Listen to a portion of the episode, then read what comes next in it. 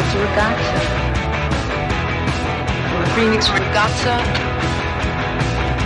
Phoenix Regatta.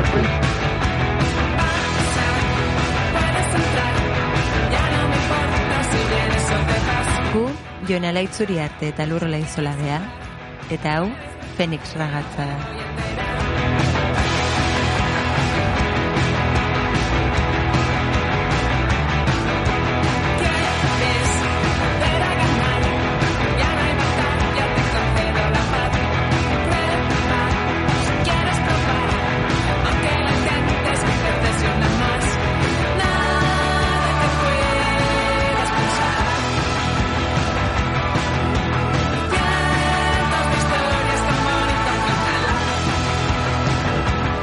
Dakizuen bezala, gure programa bakoitza emakumezko artista edo zinegile bati eskaintzen diogu.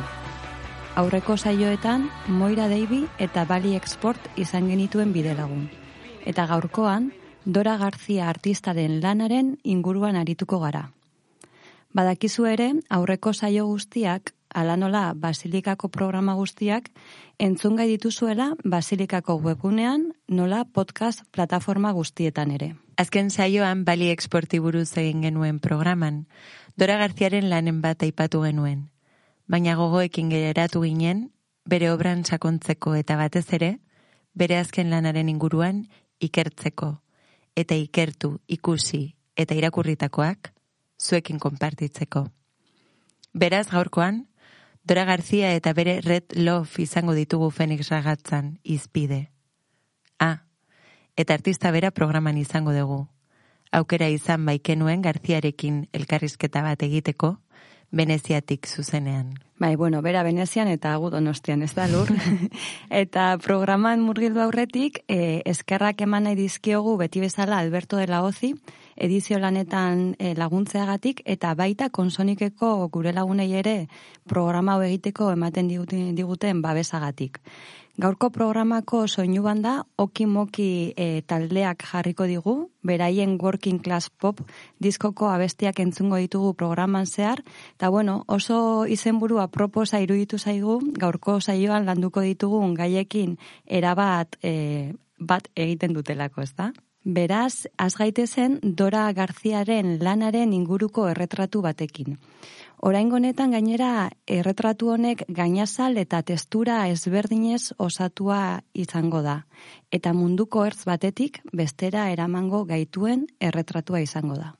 Performantza, helikopteroa, Masota, bigarren aldia, sinema aretoa, Argentina, diktadura, sirena bat, liburuak, Joyce, James Joyce, irakurketak, irakurketa kolektiboak, liburutegiak, amodioa irabultza, Mosku, Petrogrado, zinea, gorria, tristura, feminismoa, sozialismoa, Mexiko, idatziak, iraultza sexuala, emakumeen iraultza, borroka, eskutitzak, Alejandra Kolontai, hitzak, Clara Zetkin, Tina Modotti, emakumeen eskubideak, maitasuna, boterea, arrakalak. botere arrakalak.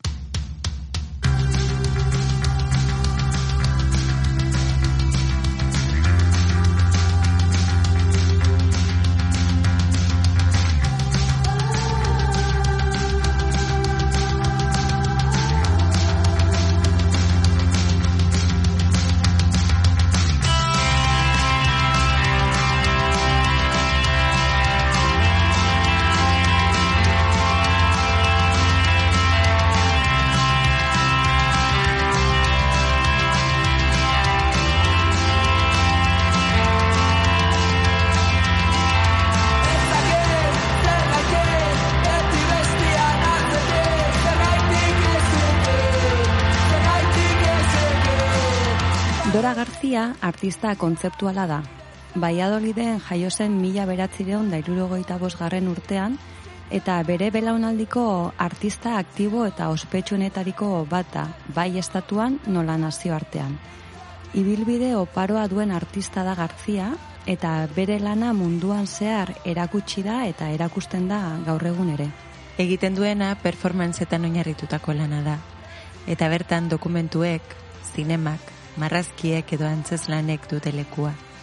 Errealitatearen eta haren interpretazioaren arteko muga lausoen inguruko ikerketa estetiko sakona planteatzen du bere lanetan. Igia esan oso ikerketa sakonak eta luzeak egiten ditu dorak formalizazio ezberdinekin. Bere lanak askotan gizarte garaikideko komunitatearen eta individualtasunaren arteko harremanari heltzen dio eta posizio marginalak ikertzen ditu, pertsonaia marginal eta antieroiei omenaldia eginez. Aurten gainera Dora Garziak arte plastikoen sari nazionala jaso du eta epaimaiak adierazi duenez bere performanceen bitartez komunitatearen eta individualtasunaren arteko harremana gizartik garaikidean aztertzeko gaitasuna duen artista da eta horregatik saritu dute.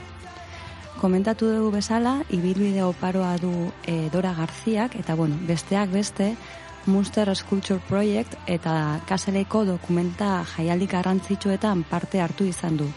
Dakizuen bezala, e, Munster Sculpture Project urtean, osea, amar urtetik behin, Alemanian jasotzen den e, espazio publikoan gertatzen den erakusketa handia da, eta kaseleko dokumenta e, nazioarteko arte garaikidaren erakusleio handienetariko bata, eta bietan parte hartu izan du Dora Garziak bere lanekin. 2008an Zineieko Bienalean parte hartu zuen, Sao Pauloko Bienalean 2008an, eta Guajeieko Bienalean ere parte hartu izan du. 2008an, Espainiako pabilloian erakutsi zuen bere lana Veneziako Bienalean. 2008 garren urtean bakarkako erakusketa izan zuen, segunda bez izenekoa, Madrilgo Reina Sofia Museoan, bertako zuzendaria komisariatuta Teresa Belazkezekin batera bere lana museoaren bilduman ere badago. Euskal Herrian tabakaleratik hainbat aldiz pasaden artista da.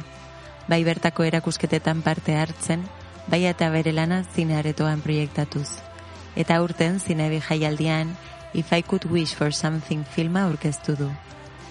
Data berdintxuetan bulegoan taller bat eman zuen.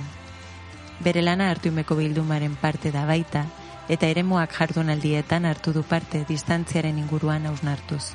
Bai, gaur egun Dora Garzia Barcelona eta Oslo artean bizi da, Bruselan bi markada eman ondoren, eta Osloko Arteen Akademia Nazionaleko irakaslea da egun. Orain gutxi, Venezian ere hasi da irakasten bertako arte derren fakultatean. Horregatik handik izan da bai, bai, bere elkarrizketa. Hori da eta bere ikusentzunezko lana e, August Hortz izeneko ekoizpenetxe belgikarrak ekoitzi eta banatzen du. Beraz, ba, bueno, ibilbide interesgarria Dora Garziak daukana.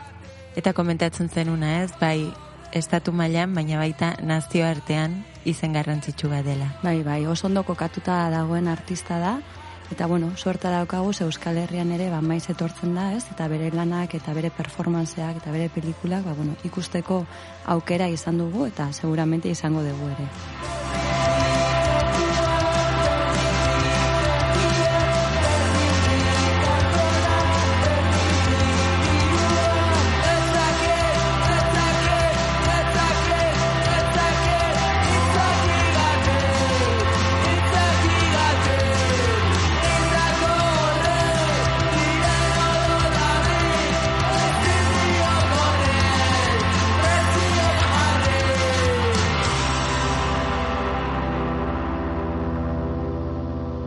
Dagoeneko aipatu dugun bezala aurreko programan komentatu genuen, bali export ardatz hartuta reenactmentari buruz izketan ari ginela, Dora Garziaren el helikoptero lana. El helikoptero izena zeukan Oskar Masota artista, kritiko eta psikoanalistak mila bederatzireun dairuro zei urteko uzaiaren amaseian egin zuen japininak. Dora Garziak japenin hau errepikatu zuen berrogeita bederatzi urte beranduago, 2000 eta urteko irailaren amabian, hain zuzen ere. Nun eta donostin, tabakalerako inaugurazioaz bateginik. Japenin bat izateaz gain, el helikoptero Dora Garziaren segunda vez izeneko luzemetraiaren lehenengo kapituloa da. Segunda vez pelikulan lau kapitulu daude guztira. Lehena, dagoeneko aipatutako el helikoptero. Bigarrena, para inducir el espíritu de la imagen. Oscar Masotak berriro ere, mila beratzireun dairurogeita zeian, egin zuen japenina. Eta Dora Garziak 2008 urtean Buenos Airesen berriro egina. Segunda vez, Kortazarrek mila bederatzireun dairurogeita mazazpi urtean idatzitako kontakizun baten adaptazioa da. Hori hirugarren kapitula izango litzateke. Eta azkenik, laugarrena, la eterna izeneko kapituloa da. Azken honetan, Macedonio Fernández idazle argentinarraren Museo de la Novela de la Eterna liburua da inspirazioa. Zientzia fikzio laburmetrai bat da azken kapitulo hau. Bertan pertsona talde batek errepikapena, metafikzioa, interpretazioa eta Oscar Masotaren lana eztabaidatzen dute liburutegi bat liburutegi batean daudela. Luzemetraiari izenburua kortazarren kontakizunak ematen dio. Kontakizun honek, Argentinako desagertuek sortutako traumak eragindako ziurgabetasun eta psikosis klima kontatzen du. Niretzako, segunda bez kapitulua da neri luzemetraian gehien gustatzen zaidana. Oso elementu gutxirekin, baina tentsio handia lortzen duen e, pelikularen zatia da nere ustez, eta oso ondo islatzen du bakortazarrek transmititu nahi zuen atmosfera hori, ez? Bai, badago horrelako misterio bat, ez? E, atmosferan, ez dakizu oso ondo segertatuko den. Eta bueno, gero oso Buenos Airesen oso ondo kokatzen den pelikula bada, ez? Bertako bai pertsonaiak oso e, bueno, basiko analizaia tarteko, ez? Oso ondo representatuak daude. Neri aldiz lur, uste dut eterna dela gehien gustatzen zaidan kapitulua. Pero sí, po, o sea, son cosas que si pero sí por todo lo que era el, los 60, el Ditela, mm. los antecedentes y los que continuaron después de Tucumán Arde, mm. todo ese grupo que daba alrededor de la manzana loca. Mm. O la manzana, no me acuerdo cómo...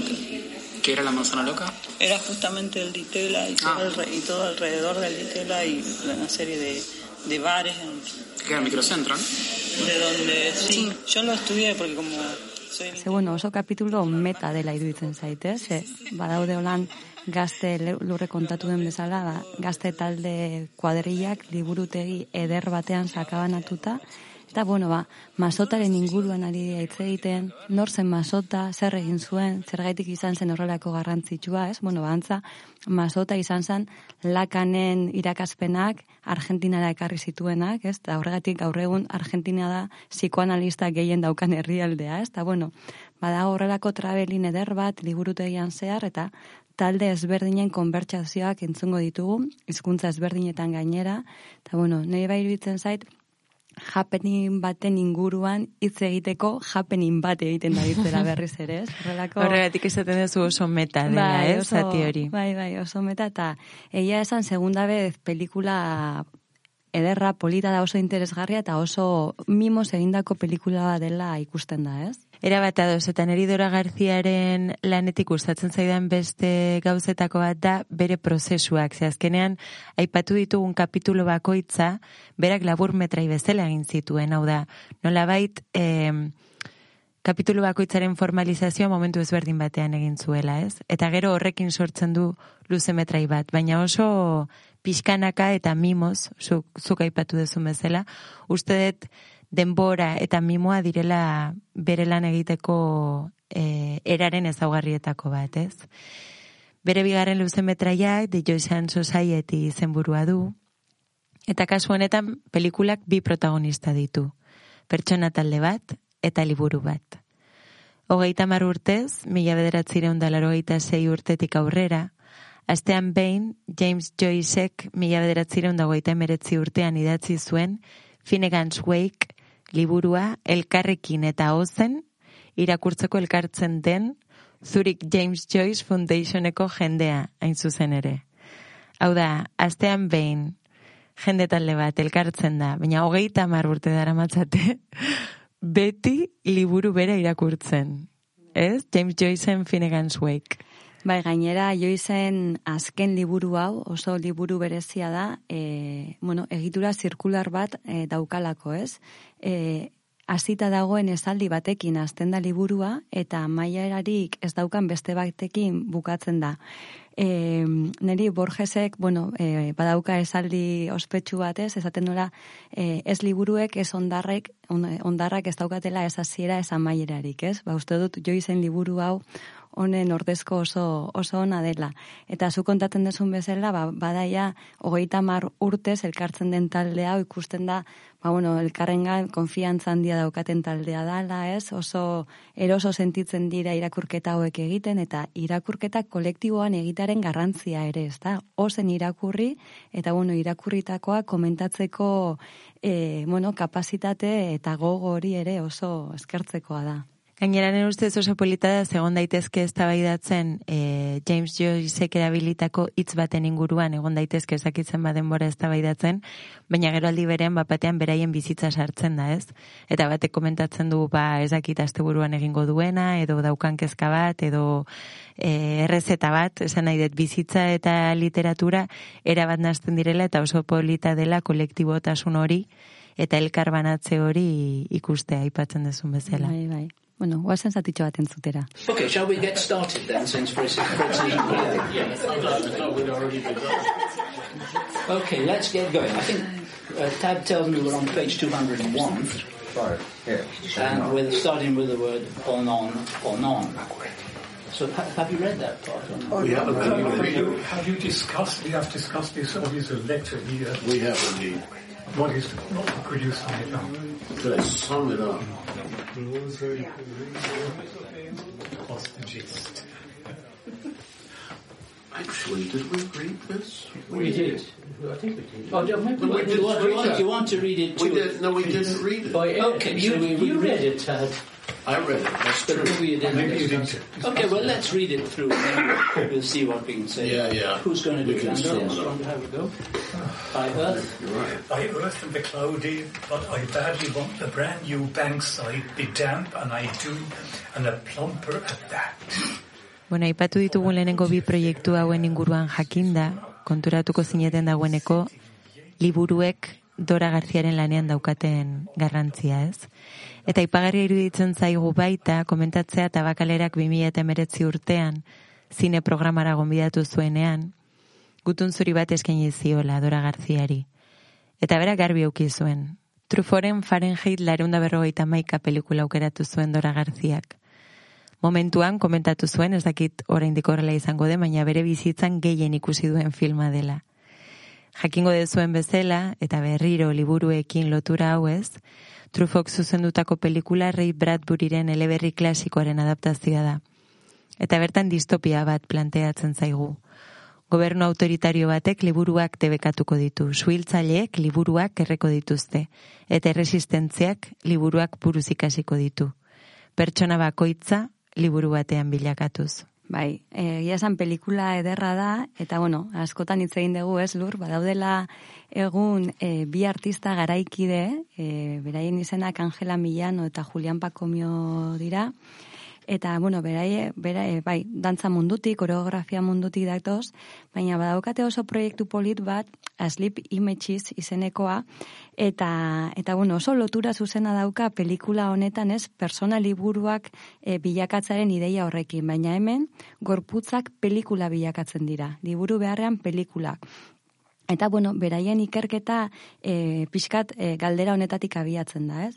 E, nola gorpuzten du gorputz batek pelikula bat?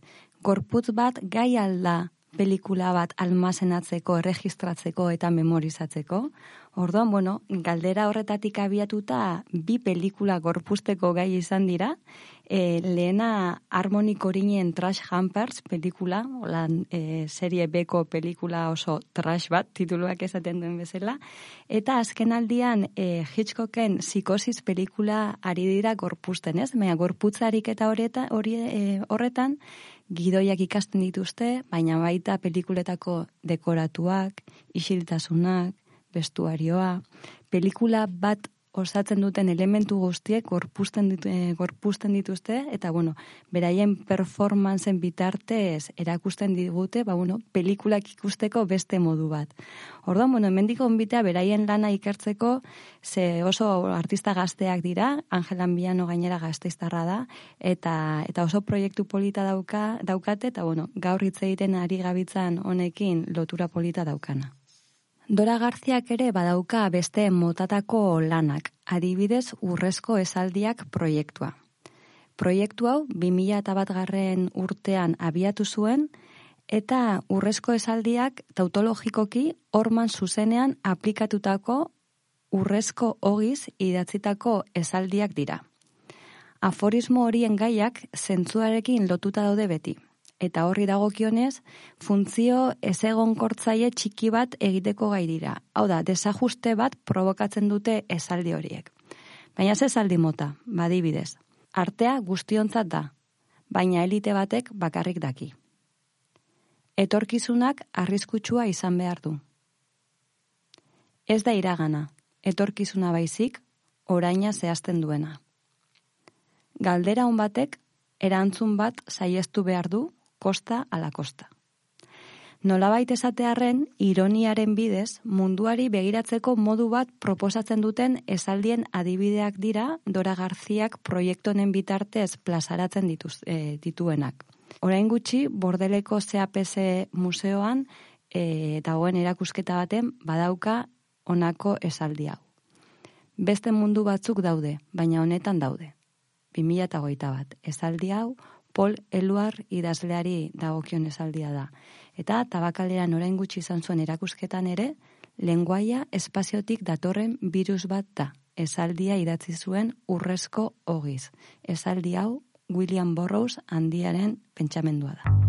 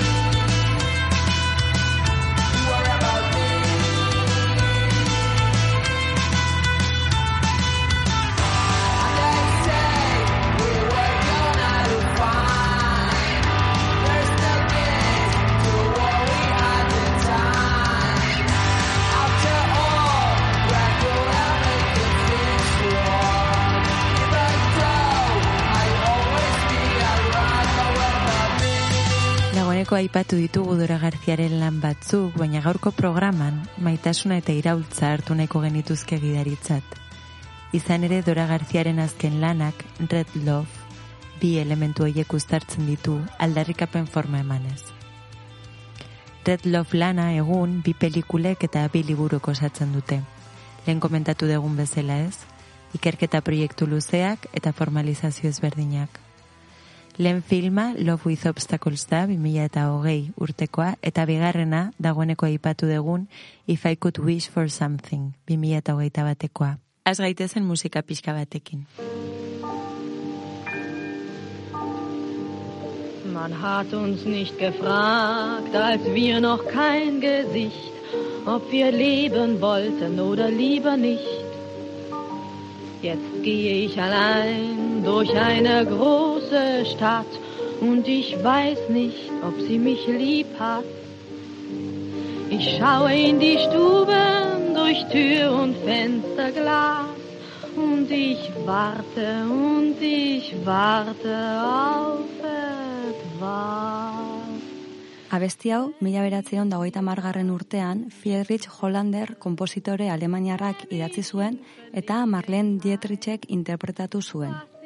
Abestiaren izenburua, hau da, zerbait desiratuko banu, ez? Inglesezko If I Could Wish for Something. Eta bestiak onela dio. Zerbait desiratuko banu, pixka bat zoriontsuago izan nahi nuke. Pixka bat, oso zoriontsu banintz, tristura faltan botako nuke. Zerbait desiratuko banu, pixka bat zoriontsuago izan nahi nuke. Pixka bat, oso zoriontsu banintz, ez asko, tristuraren nostalgia sentituko nukeelako. Was ich mir denn wünschen sollte, eine schlimme oder gute Zeit. Wenn ich mir was wünschen dürfte, möchte ich etwas glücklich sein. Denn wenn ich gar zu glücklich wär, hätte ich Heimweh nach dem traurig sein. Ba, besti hau da, Dora García artistaren azken pelikulako abia puntua. Eta bestiak oso ideia interesgarri bat eskutatzen du atzean. Hau da, abestia kontzeptu konplexu baten adierazpen indartsua da. Tristura indar politiko gisa planteatzen da. Hau da, samina energia iturri bilakatzen da. Garziak, alaber, kontzeptu hori emakumek emantzipazioaren alde dituzten borrokei lotzen die. Eta hau da pixkat bere Red Love lanaren muina edo edo bihotza. Historian zehar eman diren mugimendu iraultzaileek promesa handiak egin zieten emakumei. Eta oraingoz promesa horiek ez dira inoiz bete. Emakumeek sentimentu hori eraldatu nahi dute, biktimismoaren tentazioa gainditzeko eta topaketa etiko baterako aukera zabaltzeko. Garziak poetikoki oso kontzeptu konplexua adierazten du. Emakumeen etxipenak hainbeste denbora iraunduela, iraultzak egin zien promesa hainbeste denboran bete gabe atzeratuta, ukatuta egon direla, non abandonu sentimendu horren ondoriozko tristura, zaurgarritasunaren babesleku eta eskutu bihurtu dela.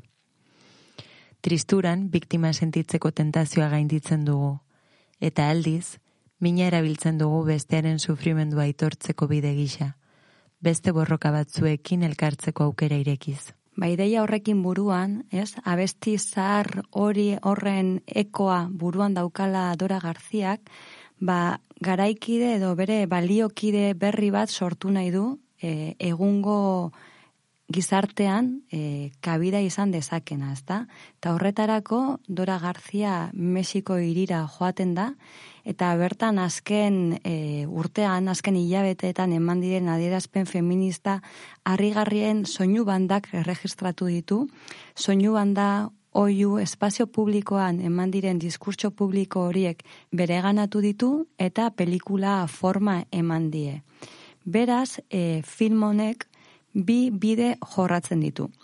Batetik, Mexiko iriko martxa feminista horien irudi eta soinu bilketa kolektiboa egindu Dora Garziak, kolektiboa esaten dugunean da, ze kamara asko, emakume asko, ari dira irudi horiek erregistratzen, eta bestetik, la bruja de Texkoko abeslari transa, eh, transarekin e, grabatutako irudi eta bestiak ere txertatuko ditu pelikula honetan. Beraz, badaukagu espazio publikoan ematen ari den irautza horren testigantza, la bruja de Texkokoren abesti eta interpretazioarekin ustartuta.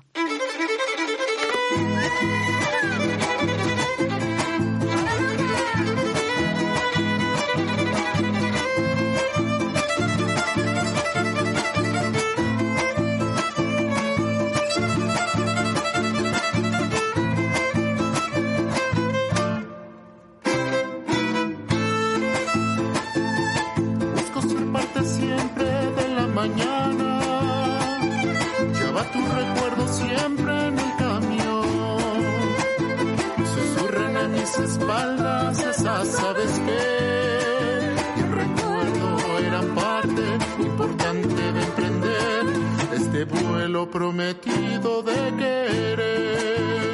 Beraz, La Bruja de Texkoko ere pelikula honetan e, sartzea, ba, badauka zerikusi handia Dora Garziak azkenaldi honetan ikerketa eramaten ari den beste eremu horiekin ez da. Ze azken aldian badago, ba, bueno, beste gorputz horien e, aldarrikapenean e, lanean.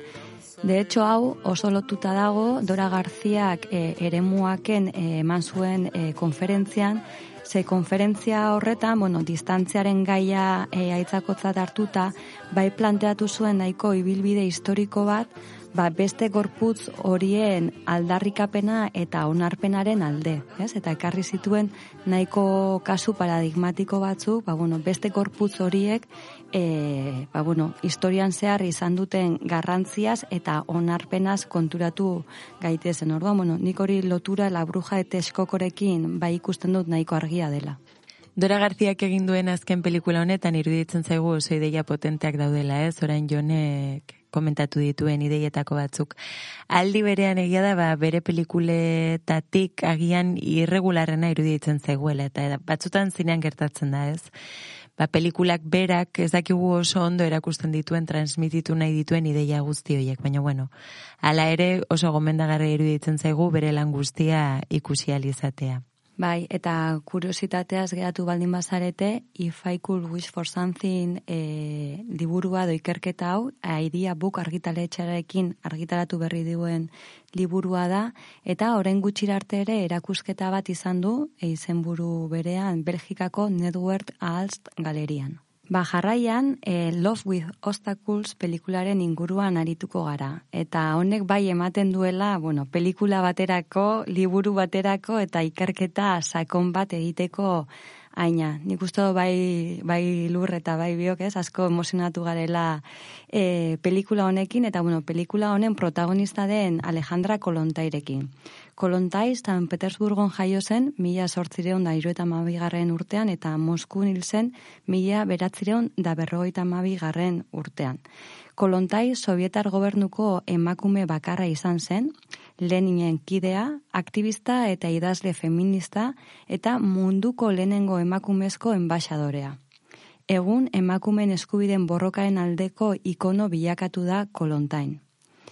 Love with Obstacles e, pelikula Moskuko artxiboetan e, eundaka dokumentu eskutitz eta foieto erakusten digu, guztiak kolontaik idatziak edo kolontairen e, testigantzak eta idatziak biltzen dituztenak. Eta kontatu direnak eta kontatu ez direnak argitara ekartzen dizkigu. Pelikulan, kamerak, paperak filmatzen ditu, kolontairen borrokaren testigu izan diren panfleto, manifesto eta bere diario edo egunerokotik ateratatako estraktuekin. Love with Obstacles e, izenburuak berak oso historia polita dauka. Mila bederatziron da berrogeita emeretzi urtean, Bo Kei Forsek argitaletxe bat ireki zuen Suedian. Pentsalaria asko argitaratu zituen bertan. Mila bederatziron da irurogeita mazazpi urtean, Bader-Meinhof taldearen idatziak argitaratu zituen, eta Frantzian eta Italian distribuitu. Bi Alemaniatan, gara horretan, e, debekatuta zegoen, Bader-Meinhofen idatziak argitaratu edo distribuitzea. Baina, hala ere, e, berak an, ara eraman nahi izan zituen. Eta orduan nola egin zuen ara sartu alizateko. Benetako liburua, beste baten azpian eskutatu zuen, eta gezurrezkoa azal horretan jartzen zuen izenburua zen Love with Obstacles.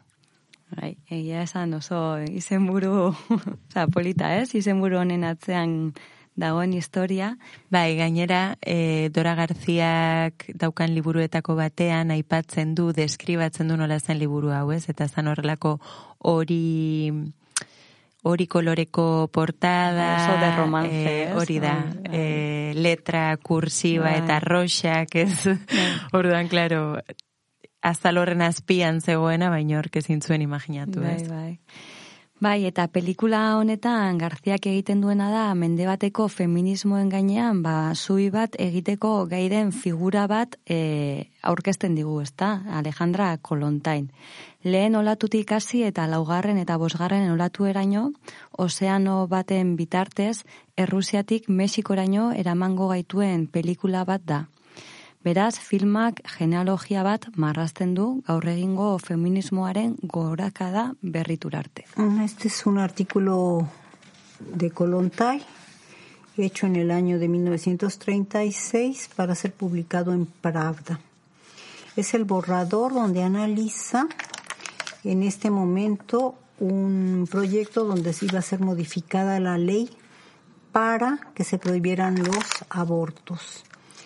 Eh, hace un examen de eh, los avances que supuestamente se han logrado y que ahora exigen que la mujer prohibir los abortos, por un lado, por una cuestión de salud, por otro lado, por también por higiene y para que eh, sean cumplido las condiciones para que las madres puedan tener hijos y eh, de alguna manera eh, el control de la natalidad vendría por otro lado.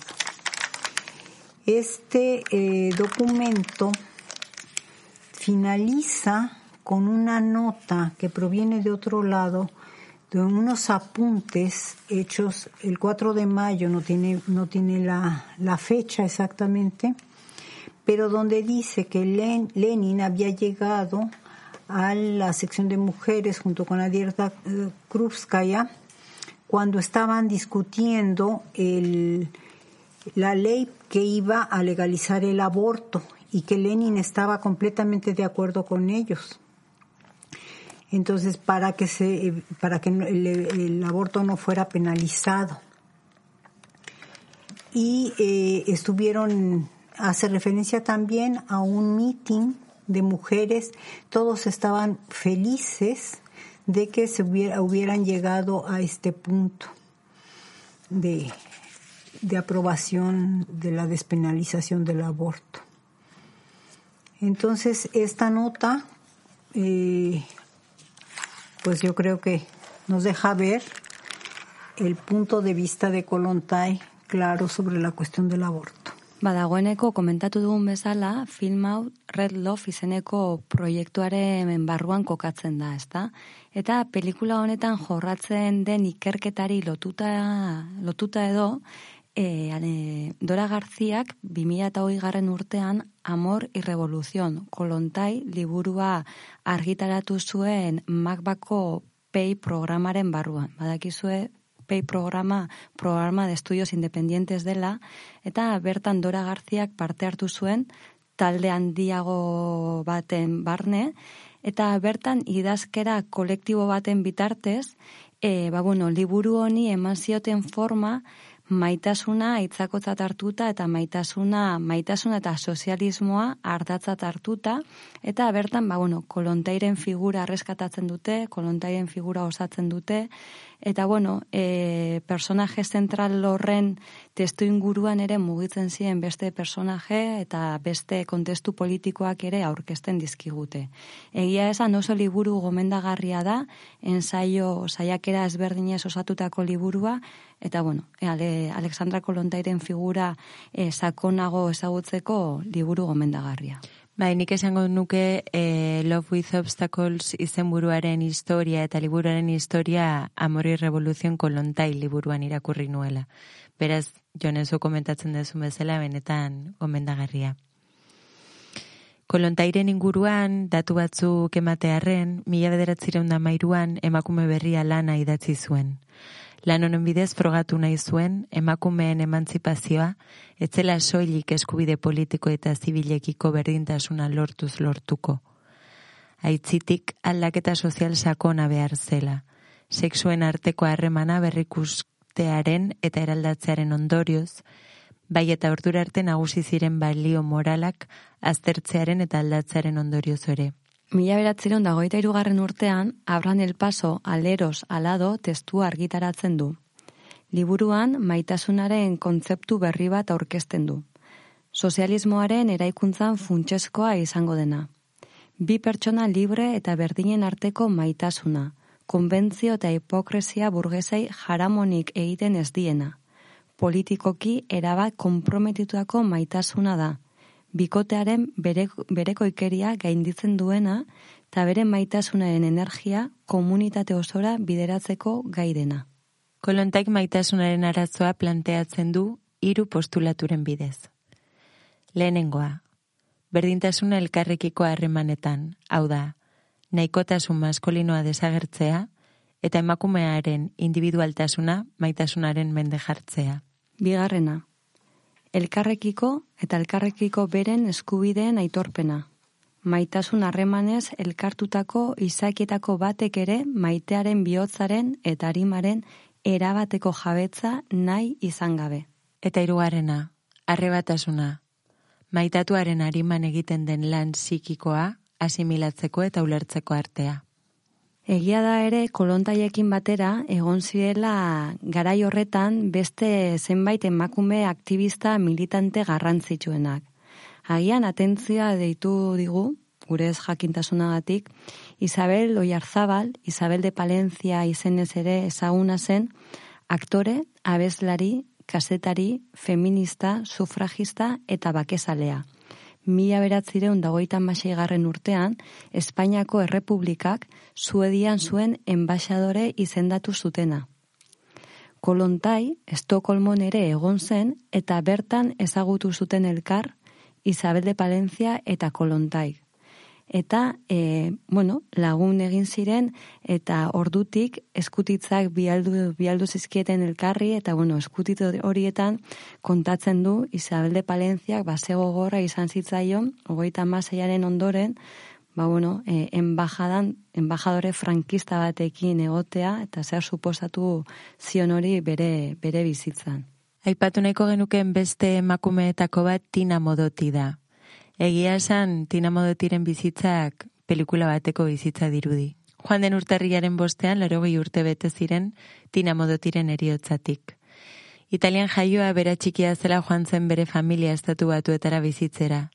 San Franciscon poeta batekin ezkondu zen eta Hollywooden aktore karrera batekin hasi zen Tina Modoti. Zine mutuan hiru pelikuletan egin zuen lan. Mila bederatzireun da hogeian The Tiger's Coat, mila bederatzireun dagoita batean, Riding with Death, eta mila bederatzireun dagoita bian, I Can Explain. Beranduago, Edward Weston argazkilariarekin argazki gintza ikasi, eta Mexikora joan ziren bizitzera. Bere ofizio ezagunenetakoa da argazkilariarena. Mexikon Partido Komunistan txartu zen, eta bertan, adizkidetasuna egin zuen Diego Rivera, Frida Kahlo, edo Kolontai berarekin, beti misterio bat dago kolontai eta tina modotiren inguruan. Badago, e, elgar ezagutu zutela esaten duenik, baina ez dago horrelako froga zehatzik. Mila beratzireun dago eta bederatzi urtean, orduan bere bikotea zen Julio Antonio Mella kubatarra hil zuten, eta tina modotiri leporatu zioten hilketa hau. Naiz eta azkenean azke elitu, mila bederatzireun dago eta urtean Mexikotik bota zuten, Zaiak ere ezberdinak egin eta gero azkenan Moskun bukatu zuen eta handik Espainiara joan zen, gerra zibilan borrokatzera. Gerra zibilan borrokan aritu zen bitartean izena aldatu zuen eta Espainian gerra zibilan Tina Modoti Maria bilakatu zen. Mila bederatziron dagoita masei urteko ustalaren emeretzian iritsi zen Tina Modoti Espainiara. Mila bederatziron dago eta emeretzi urtean Mexikora itzuli zen, eta alianza antifascista Giuseppe Garibaldin jarraitu zuen bere aktivitate politikoarekin. Mila bederatziron da berro eta bi urtean, taksi batean zijoala, bere bihotza gelditu egin zen. Eta Pablo Nerudak poema bat idatzi zion. Puro tu nombre suave, pura tu frágil vida. Abejas, sombras, fuego, nieve, silencio y espuma. Combinaron con acero, alambre y polen para crear tu firme y delicado ser. Ez dakigun arren, kolontai eta modoti benetan ezagutu ote ziren edo ez, badakiguna da, e, kolontai e, Mexikon e, lehenengoko zineziklo sovietarra antolatu zuela eta bertan erakutsitako pelikulek tina modotirengan sekulako e, impactua izan zutela, batez ere e, lakorazado potenkin pelikulak, eta pelikula horretan ikusitakoak laster e, hasi ziren e, nolabait tina modotiren argazkilaritza influintzen ere. Erabiltzen zituen kontrapikatuak, erabiltzen zituen biztak, iria erretratatzeko modu hori, Orduan, bueno, esan daiteke eh, plano pertsonal batean ezagutu ez baziren ere, ba, bueno, influenzia, elkar influenziatu zirela, ez da.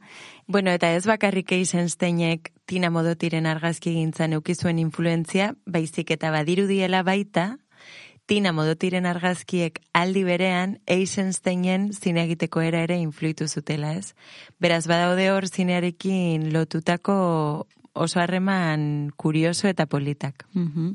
Bai, baina ni ere titular honekin haien geratuko nintzake, ez? Kolontai izan zara lehena, lehengoko zine ziklo sovietarra Mexiko nerakusten. Uste dut hori nahiko e, ito garrantzitsua dela, ez? Oso, historian. eta oso ziklo polemikoa izan zen. E, alde batetik, e, Sovietaren baixadan jartzen zituzten pelikulak noiz behinka, eta gero imperial izeneko zinearetoan baita. Baina etzan hain erresa izan ziklori egitea. Oso polemikoa izan zen. Mhm. Oso ondo. Bueno, bagoazen e, musika pixka bat entzudera orain.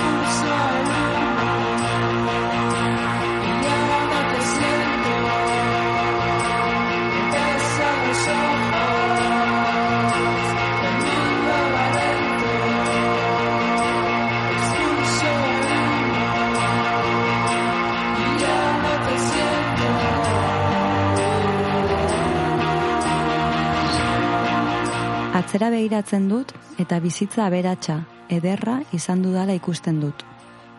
Arrastoa eta emaitzak utzi nituen. Zerbait egin nuen emakumeen alde. Nire ondarralea eman nion sozialismoaren eraikuntzari, eta gure batasun handiaren boterea eta prestigioa indartzeari. Zerbait egin nuen, baina mestu eta proposatu nuena baino askoz gutxiago. Alejandra Kolontai, mila beratzireun dagoita mazazpi.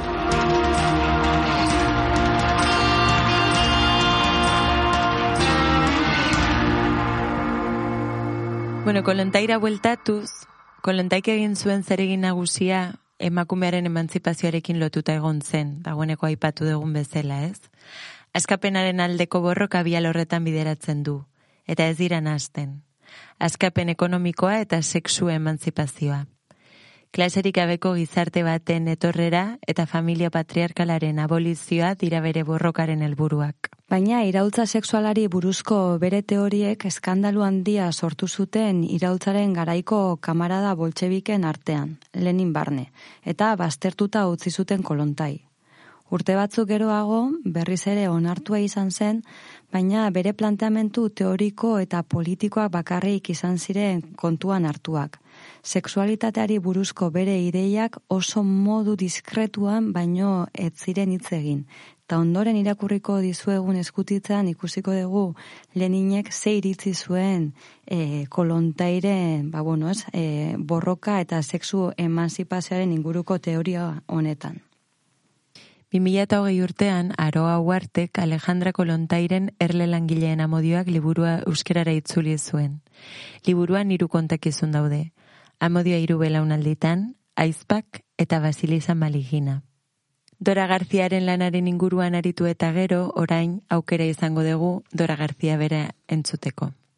Hola Dora, ¿qué tal? Muy bien, ¿y vosotras? Pues muy bien. Oye, antes que nada te queríamos dar las gracias por aceptar esta invitación. La verdad es que nos hace mucha ilusión poder conversar contigo, especialmente para abordar algunas cuestiones sobre tu último proyecto, Red Dog, que es sobre todo sobre lo que va a girar nuestro programa de hoy. Por lo tanto, la primera pregunta sería, ¿qué es Red Dog, Dora? Sí, pues es una, digamos, es una especie de paraguas dentro del que se meten varios proyectos más pequeños, pues un proyecto más grande, con un proyecto hecho de proyectos más pequeños, como para poder manejarlo, porque es muy, muy, muy amplio. Y como es el caso con muchos de mis trabajos, pues eh, empieza por casualidad y luego pues como que se va descubriendo diferentes avenidas eh, a partir de esa casualidad. La casualidad es que me invitan en el año 2018 a acompañar a un grupo de estudio de, de las que va a leer durante un año las obras de Alexandra Kollontai en Estocolmo. Y, y, aunque yo conocía el nombre, eh, nunca había leído los textos de Kollontai. Eh, entonces, pues es como un año de estudio y de discusión. Y entonces, a partir de ese año, pues como me voy dando cuenta que hay mucho más de lo que se puede eh, que realmente he hecho más que entrar en, en, en un sitio que me interesa mucho y eh, a, partir, a, partir, de ahí pues se va desarrollando como por trozos eh, dependiendo de, de, las posibilidades que tengo y, de, y también de la, del dinero que voy encontrando. Eh, la primera parte eh, que se hizo en el año. Luego también está la pandemia, por supuesto, que también ha tenido peso en cómo se iba estructurando. Eh, pero eh, cuando me pongo, me, me, llama la atención que hay muchísimas traducciones, grupos de discusión, parece haber mucha, mucho eco de Kolontai en, en los países de habla hispana y en Sudamérica, también en Brasil. Eh, y entonces me pongo a investigar un poco la historia de, de, traducción y de edición de Kolontai, que sigue. Eh, ahora mismo se están editando muchísimo los trabajos de Kolontai. Y entonces, pues a partir de, de esa historia de la publicación, pues la voy conectando con las eh, diferentes eh, olas de feminismo con las que coinciden eh, también y también con, digamos, con lo, lo, que me resulta mucho más interesante es cómo coincide el análisis, digamos, del concepto de clase con el concepto más tarde de, raza y, que lo, y lo que se ha llamado los feminismos uh, negros o los feminismos no blancos eh, cómo se refleja o cómo toman de ella eh, muchos de los textos. Eh, después también eh, otro apartado que me interesa mucho es el apartado de activismo sexual de Konotai. Mm. Y, a, y, en este sentido el activismo sexual pues aparece como otra parte que se va haciendo cada vez más grande, que es el asunto del desencanto. Del desencanto porque eh, digamos que entro en un... Eh, a, a, partir de ir leyendo los papeles de Kolontai, pues hay un momento muy preciso en el que, digamos, se da cuenta que no va a poder llevar a cabo todo lo que hubiera querido llevar a cabo y en el que se da cuenta también, digamos, que los que ya pensaba que estaban de su parte o sus compañeros, que no les interesa en absoluto eh, lo que a ella le interesaba tanto.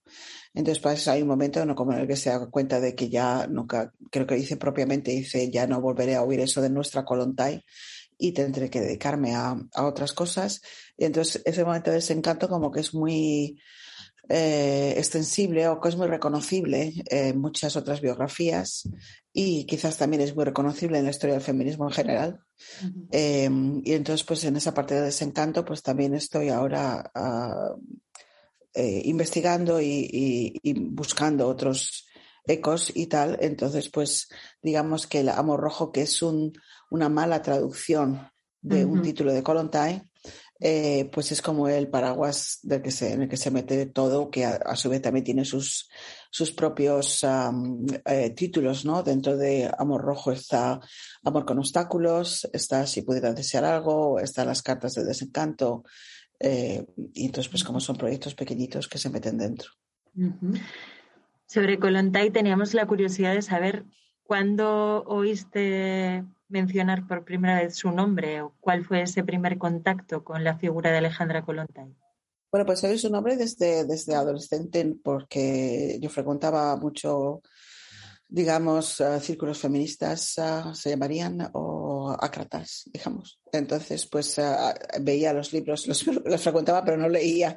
Entonces, eh, veía, veía, veía los libros y veía los pósteres eh, pero nunca había leído los textos, ¿no? O sea que el nombre lo conocía, eh, pero leer los textos solamente en el 2018 fue cuando lo, eh, el año que leí los textos de Kolontai. Decimos que Kolontai todavía, ¿no? A día de hoy han pasado muchas décadas, pero es una figura que nos sigue emocionando, ¿no?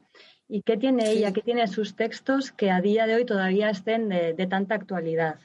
Bueno, pues por ejemplo, en comparación con, uh, con otras grandes figuras femeninas como es uh, Rosa Luxemburg, Clara Setkin, uh, Nadesia Krupskaya, Inés Armand, con las que trabajó y que son compañeras de generación, Eh, ninguna de ellas fue tan explícita, aunque yo creo que todas se identificaban eh, con, con, lo que decía Kollontai, ninguna fue tan explícita como ella sobre el asunto de la centralidad de la revolución sexual y cómo no podría haber una revolución socialista si no se cambiaba las relaciones entre los sexos y, y, y evidentemente si no se eh, cambiaba el papel de la mujer en, uh, en, en la sociedad y, y, en la revolución.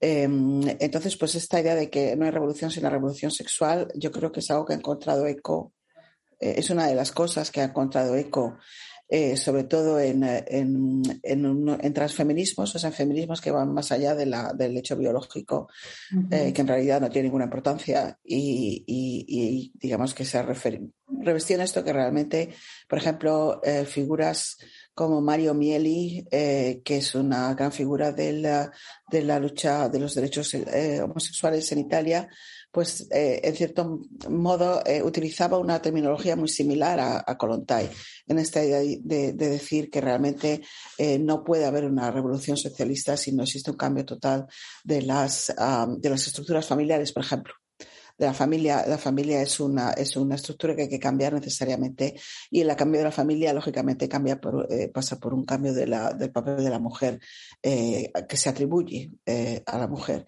Entonces, esto es una cosa, yo creo que conecta con, con digamos, luchas que van más allá del feminismo clásico o del feminismo, digamos, de la, de la, de la segunda ola, eh, y luego otra idea que yo creo que es muy importante es esta idea de que en realidad pesa más la, la, mm, solidaridad de clase, y hablamos, ya habla en términos marxistas, pero la solidaridad de clase se extiende lógicamente también a la, a la solidaridad de, vamos a llamar, de, de raza o la, la, la solidaridad de, eh, digamos, de minoría, se llamaría quizás, eh, más allá que la, que la, que la solidaridad de, de género.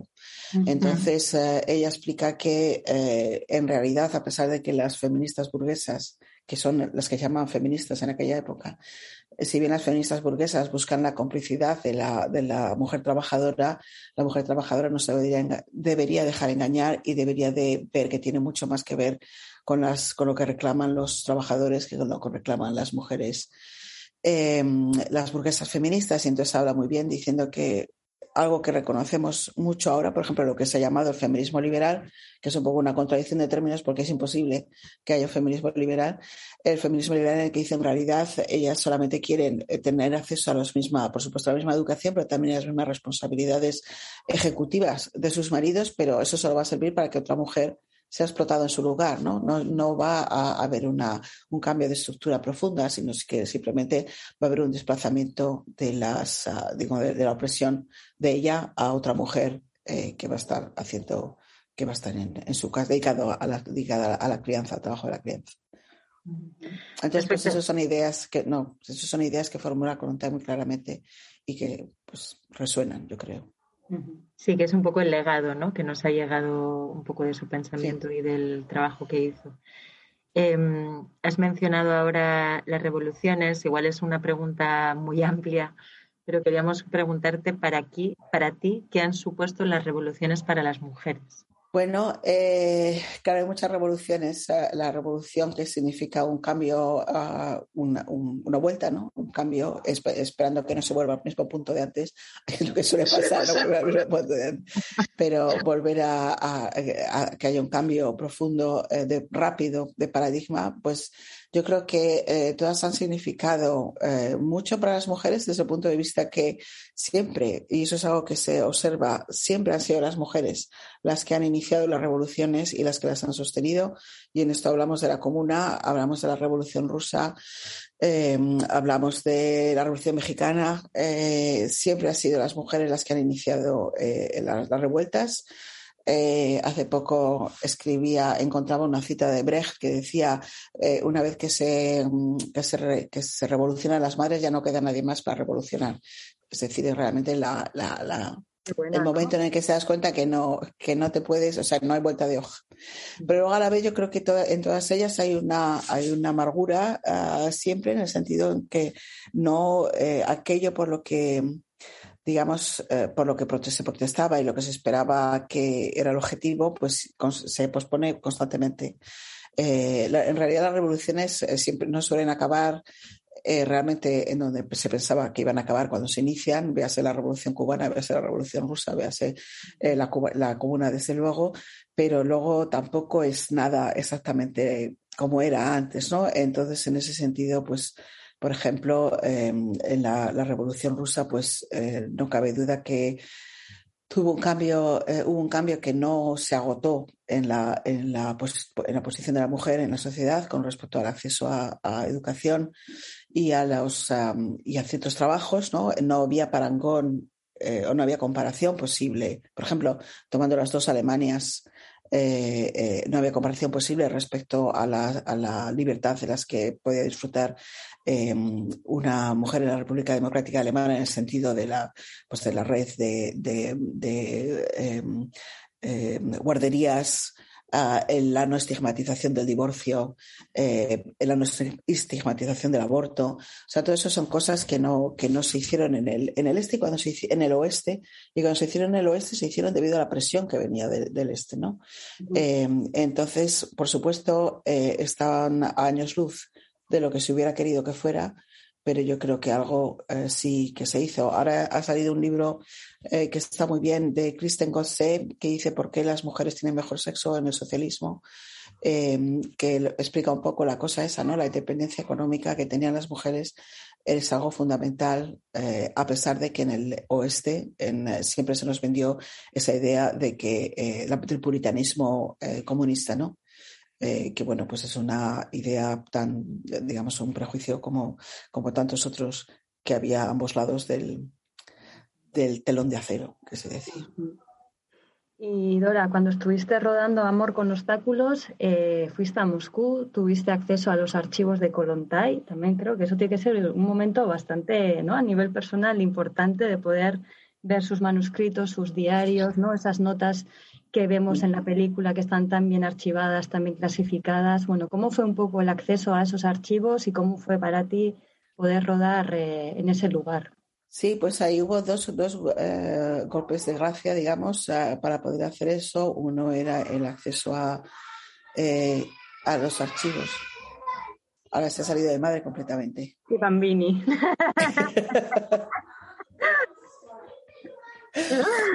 Bueno, uno fue el que, eh, gracias a la, primera invitación para leer a Colonta vino de María Linz y a través de María Linz eh, acceso al garaje, que es eh, garage, que es este sitio,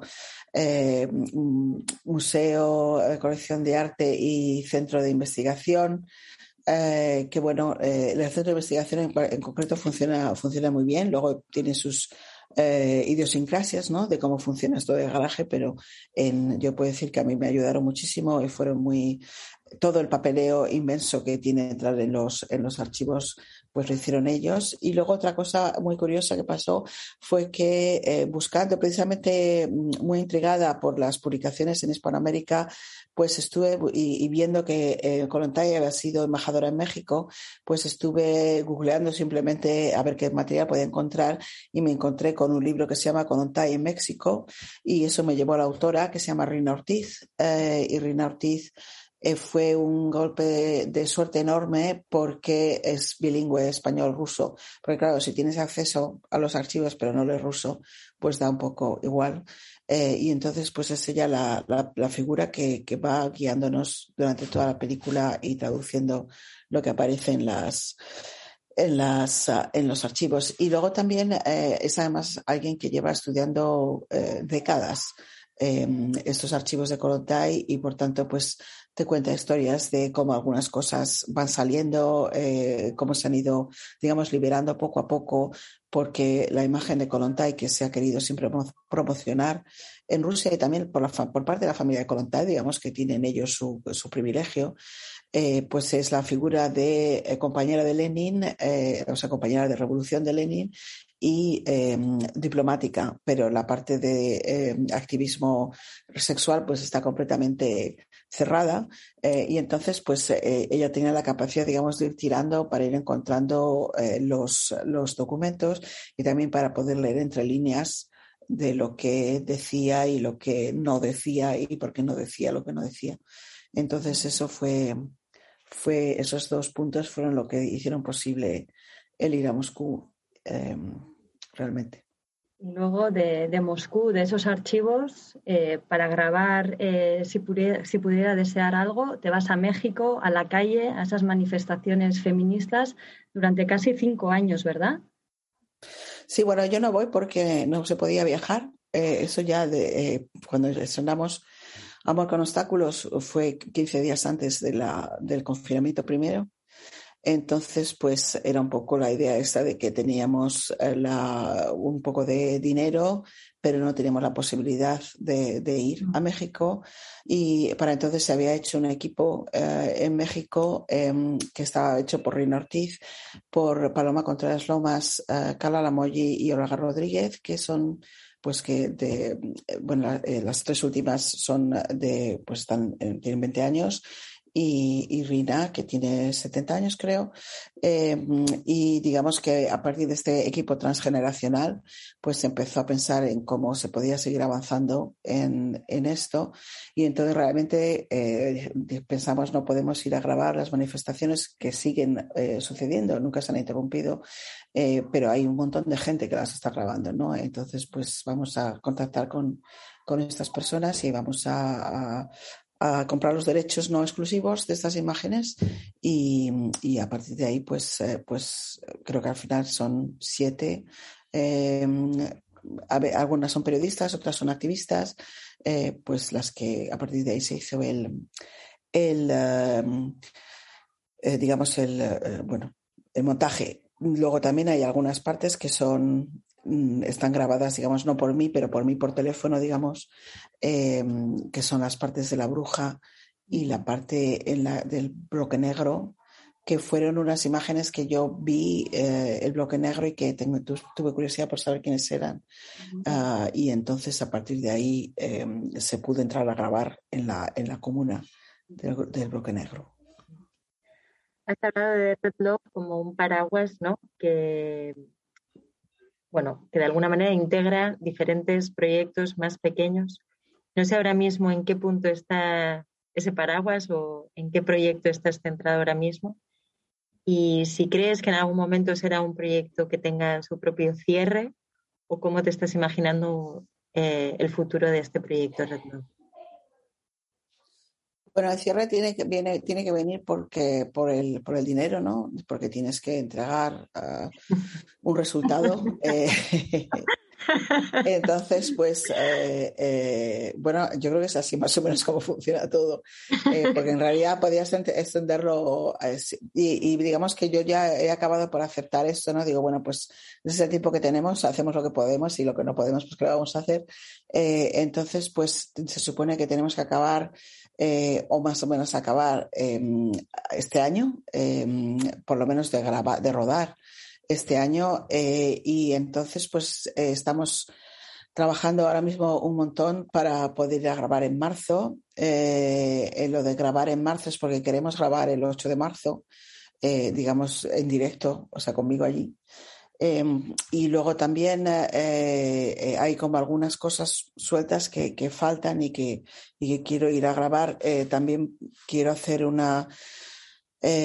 bueno, hemos ido, a partir de cosas que han ido apareciendo, pues por ejemplo, una cosa que yo no sabía es que Colontae fue la responsable de llevar eh, en realidad estuvo solo seis meses en México, pero fue la responsable de llevar el cine soviético, el acorazado Potemkin, allí y, fue muy aventuroso, digamos, ¿no? Porque eh, lo cerraron, abrieron, volvieron a cerrar, volvieron a abrir. Después el, el acorazado Potemkin prácticamente se, se, proyectaba en cada celebración del Partido Comunista, que después, eh, poco tiempo después, se se prohibió en, en México. Eh, entonces, pues yo sé que hay como es muy caótico, pero hay un archivo del Partido Comunista, hay unos archivos del, de, digamos, de, el Archivo General de la Nación de cómo fue recibida esas películas.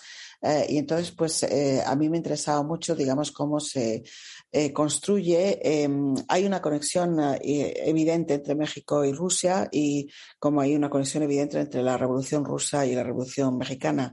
y en cierto modo, esos primeros embajadores como Kolontai que llegaron allí, pues tenía una función política muy importante para la construcción, digamos, de la identidad mexicana inmediatamente después de, la, de que se concluyese aparentemente la, revolución. Entonces, pues a mí me interesaba bastante eh, el, establecer un puente entre, digamos, eh, lo, que fue la, cultura mexicana o cómo impactó ese cine en la cultura mexicana y cómo se de alguna manera formó los imaginarios de la, de la, de la revolución en esa especie de conglomerado. Entonces, esto es como, como súper ambicioso, por supuesto. Uh, entonces, pues intento, intento encontrar como signos eh, pequeños eh, que, que, permitan un poco contar la historia grande a partir de esas cosas pequeñas, como son, por ejemplo, los, los, los volantes que se publicaron eh, en el momento que se proyectaban estas películas, tanto en pro como en contra, eh, digamos, los testimonios de, de, de, de, los que formaban el Partido Comunista en ese, en ese momento pues cosas así. Al final no sé muy bien qué es lo que utilizaremos, pero son como documentos muy, muy que cuentan, o sea, muy, muy, muy nimios, sería muy pequeños, que cuentan una historia realmente, realmente enorme, ¿no? Vera, queríamos preguntarte un poco sobre la formalización de tus trabajos, porque claro, eh, las investigaciones que llevas a cabo son inmensas, ¿no? Y ahora has dicho una palabra muy clave, que es cortar, ¿no? A veces. Pero sí que nos llama la atención que muchas veces eh, este tipo de proyectos acaban en películas.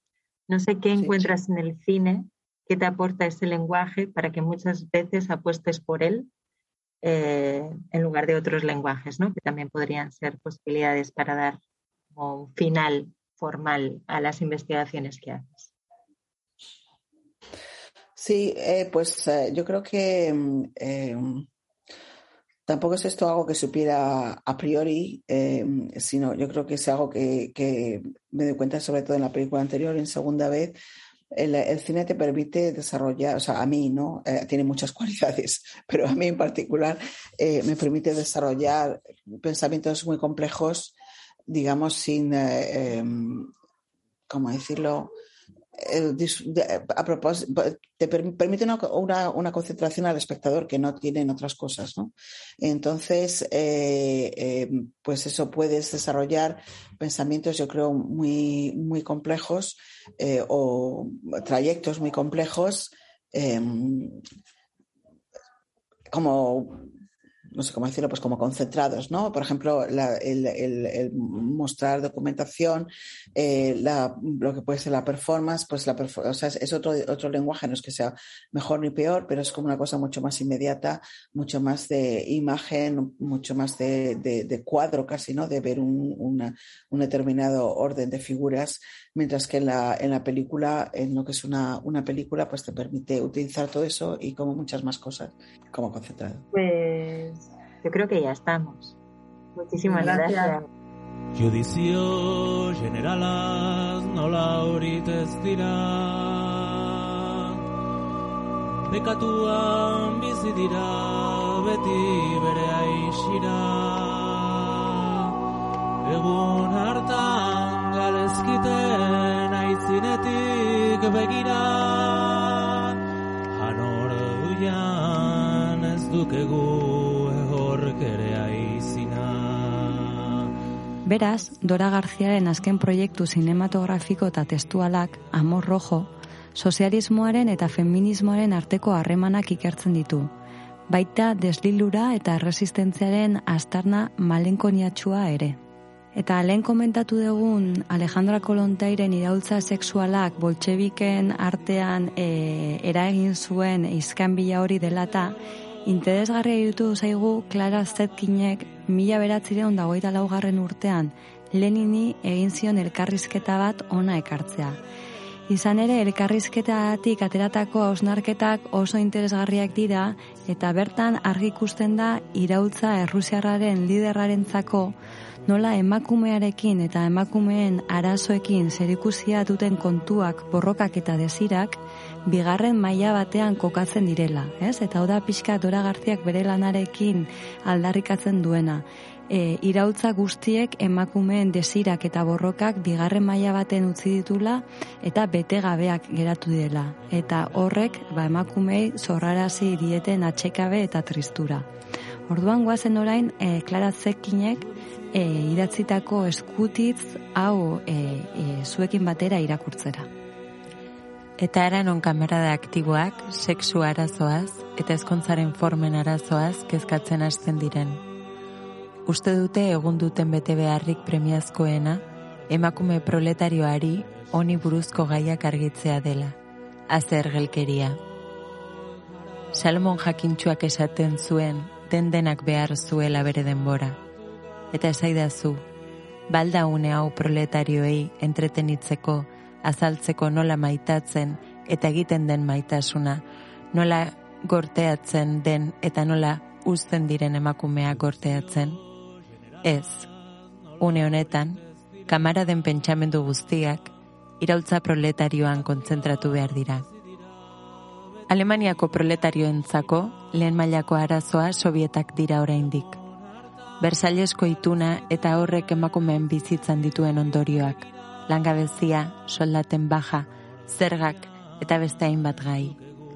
Hoiek dira gaur eguneko agindupean dauden arazoak. Baita ezkontza eta sexu harremanak naita ez berritzeko oinarriak ere. Ni oso gutxi fidatzen naiz novela pertsonala politikarekin entretenitzen den emakume hoien sendotasunaz, borrokarekiko iraunkortasunaz. Eta ez naiz fio, gona bakoitzaren atzetik korrikadoa zen gizonez ere. Lehen emakume gazteak arrantzan egiten uzten baitie. Hori ez dator bat iraultzarekin. Hauek dira Leninen pentsamenduak mila beratzireon dagoita laugarren urtean, baina kolontai, zetkinek, Luxemburgok uste zuten beste hainbat feministek aldarrikatu duten bezala, pertsonala politikoa ere badela, baita melankolia goreneko uneetan ere. Honen islagian, kolontaik berak mila beratziron dagoeta begarren urtean, bere orduko maitale eta bikotekideari idazten dion gutuna da. Pavel Dibenkori hain zuzen ere. Gizon eta emakume baten arteko harremanaren oinarriak frinkatu nahian, berdinen arteko harremana bultzatu nahian, dependentziak eta sufrimenduak ekiditeko asmotan idatzitako amodio eskutitza da. Mila beratzireun dagoita biko otxaiaren zazpia. Berandu da, gaueko seiak inguru. Non zaude, Pavel? Non zaude hain urruti zauden nire lagun mina? Beste gau bat joan daia. Eta hain gutxi ditugu? Gaua ez da musuentzat bakarrik. Balioa ez dago musuetan guretzat. Baizik eta gure bihotzen arteko komunikazioan. Biontzat hain baliotsua dena. Gaua aurrera doa, baina nire barrena hoz dago. Bakarrik sentitzen naiz, izugarri minduta. Non zaude? Zergaitik ez dituzu estimatzen elkarrekin izan genitzakeen orduak? Ez, badakit, niganako dugu maitasunaz fidatzen naiz, bere sakontasunaz. Badakit urbiago nagoela eta munduko beste dozein pertsona baino preziatuagoa naizela zuretzat. Baina horrexegatik idazten dizut gutu nau. Bata bestearentzat hainbeste esan nahi dugulako. Ez du nahi orain torturatzen nauen minau errepikatzea. Gure maitasuna handia da eta ederra. Baina ondoegi ezagutzen ditut maitasunaren legeak, eta oinazeak beti utziko du arrasto bat. Horregatik idazten dizut, ene maitea. Min ematen dit, Pavel, asko sufritzen dut joaten zarenean, eta ez dakit nora zoazen. Mingarriena ningandik zerk urruntzen zaituen ez jakitea da. Pentsatzen jartzen naiz, eta irudimenak zutsuki egiten du lan. Asmatzen hasten naiz, usteak egiten. Zer esango zenuke Pavel, odesara etorri eta egun bat edo biren ondoren gau batez, gau erdiz, misterioz desagertzen hasiko banitz, imagina ezazu eta gian ulertuko duzu nire borroka. Oraintxe irakurri ditugun bi eskutitz hauekin, eman nahi diogu amaiera gaurko programari. Espero dugu interesatu izana Dora Garziaren lanak eta bertatik abiatuta maitasuna eta iraultzara egin dugun salto honek ere. Espero dugu baita kolontairen figura interesatu izana, guri interesatu zaigun bezain bat. Hori da, eta dakizuen bezala, ba, bueno, gure programa eta basilikako gainontzeko programak entzuteko, basilika.eus webgunea bizitatu dezakezue, eta gure podcast guztiak eskuragarri dituzue plataforma digital guztietan. Mila esker eta hurrengor arte. elementak